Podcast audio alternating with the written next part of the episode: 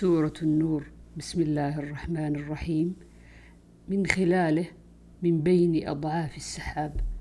سنا برقه وهو الضياء.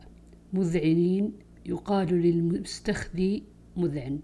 أشتاتا وشتى وشتات وشت واحد.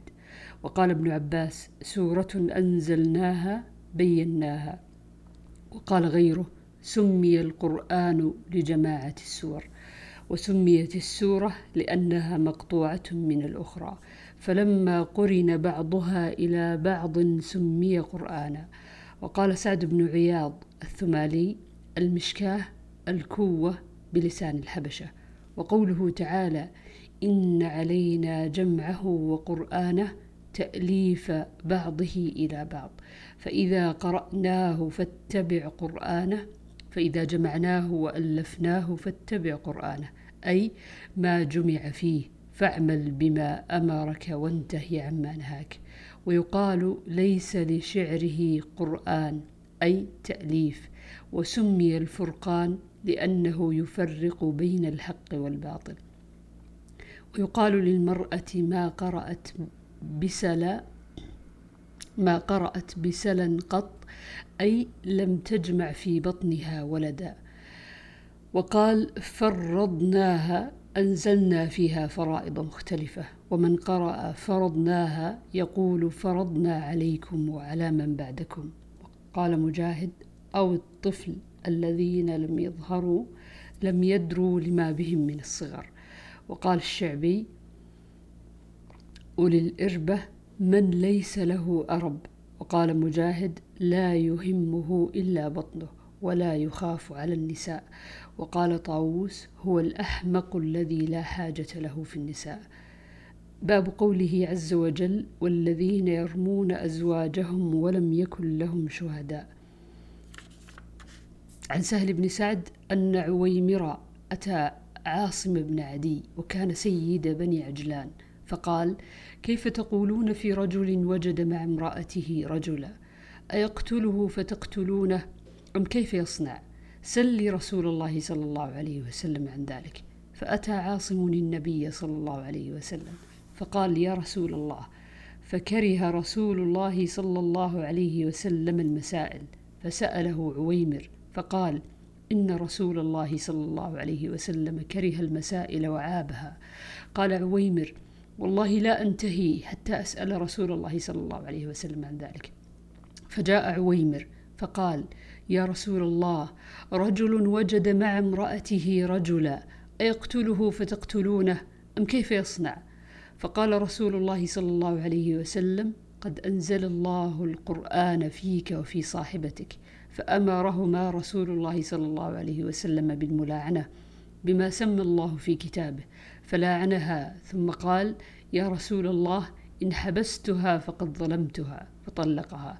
فكانت سنة لمن كان بعدهما في المتناعلين ثم قال رسول الله صلى الله عليه وسلم انظروا فإن جاءت به أسحم أدعج العينين عظيم الأليتين خدلج الساقين فلا أحسب عويمرا إلا قد صدق عليها وإن جاءت به أحيمر كأنه وحره فلا أحسب عويمرا إلا قد كذب عليها. فجاءت به على النعت الذي نعت رسول الله صلى الله عليه وسلم من تصديق عويمر فكان بعد ينسب إلى أمه. باب والخامسة أن لعنة الله عليه إن كان من الكاذبين. عن سهل بن سعد أن رجلا أتى رسول الله صلى الله عليه وسلم فقال يا رسول الله أرأيت رجلا رأى مع امرأته رجلا؟ أيقتله فتقتلونه؟ أم كيف يفعل؟ فأنزل الله فيهما ما ذكر في القرآن من التلاعن. فقال له رسول الله صلى الله عليه وسلم قد قضي فيك وفي امرأتك. قال فتلاعنا وأنا شاهد عند رسول الله صلى الله عليه وسلم. ففارقها. فكانت سنة أن يفرق بين المتلاعنين.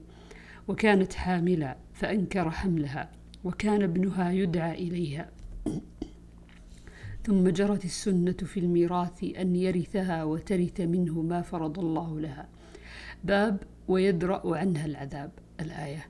عن ابن عباس أن هلال بن أمية قذف امرأته عند النبي صلى الله عليه وسلم بشريك بن سحماء. فقال النبي صلى الله عليه وسلم البينة أو حد في ظهرك. فقال يا رسول الله إذا رأى أحدنا على امرأته رجلا ينطلق يلتمس البينة فجعل رسول الله فجعل النبي صلى الله عليه وسلم يقول البينة وإلا حد في ظهرك. فقال هلال والذي بعثك بالحق إني لصادق ولينزلن الله ما يبرئ ظهري من الحد. فنزل جبريل وأنزل عليه والذين يرمون أزواجهم فقرأ حتى بلغ إن كان من الصادقين. فانصرف النبي صلى الله عليه وسلم فأرسل, إلي فأرسل إليها. فجاء هلال فشهد والنبي صلى الله عليه وسلم يقول إن الله يعلم أن أحدكما كاذب فهل منكما تائب؟ ثم قامت فشهدت فلما كانت عند الخامسة وقفوها وقالوا إنها موجبة قال ابن عباس فتلكأت ونكصت حتى ظننا أنها ترجع. ثم قالت لا أفضح قومي سائر اليوم فمضت فقال النبي صلى الله عليه وسلم أبصروها فإن جاءت به أكحل العينين سابغ الأليتين خدلج الساقين فهو لشريك بن سحماء فجاءت به كذلك. فقال النبي صلى الله عليه وسلم لولا ما مضى من كتاب الله لكان لي ولها شأن. باب قوله والخامسة أن غضب الله عليها إن كان من الصادقين. عن ابن عمر رضي الله عنهما أن رجلا رمى امرأته فانتفى من ولدها في زمن رسول الله صلى الله عليه وسلم فأمر بهما فأمر بهما رسول الله صلى الله عليه وسلم فتلاعنا كما قال الله ثم قضى بالولد للمرأة وفرق بين المتلاعنين. باب قوله إن الذين جاءوا بالإفك عصبة منكم. الآية. أفاك كذاب. عن عائشة رضي الله عنها. والذي تولى كبره قالت عبد الله بن أبي بن سلول.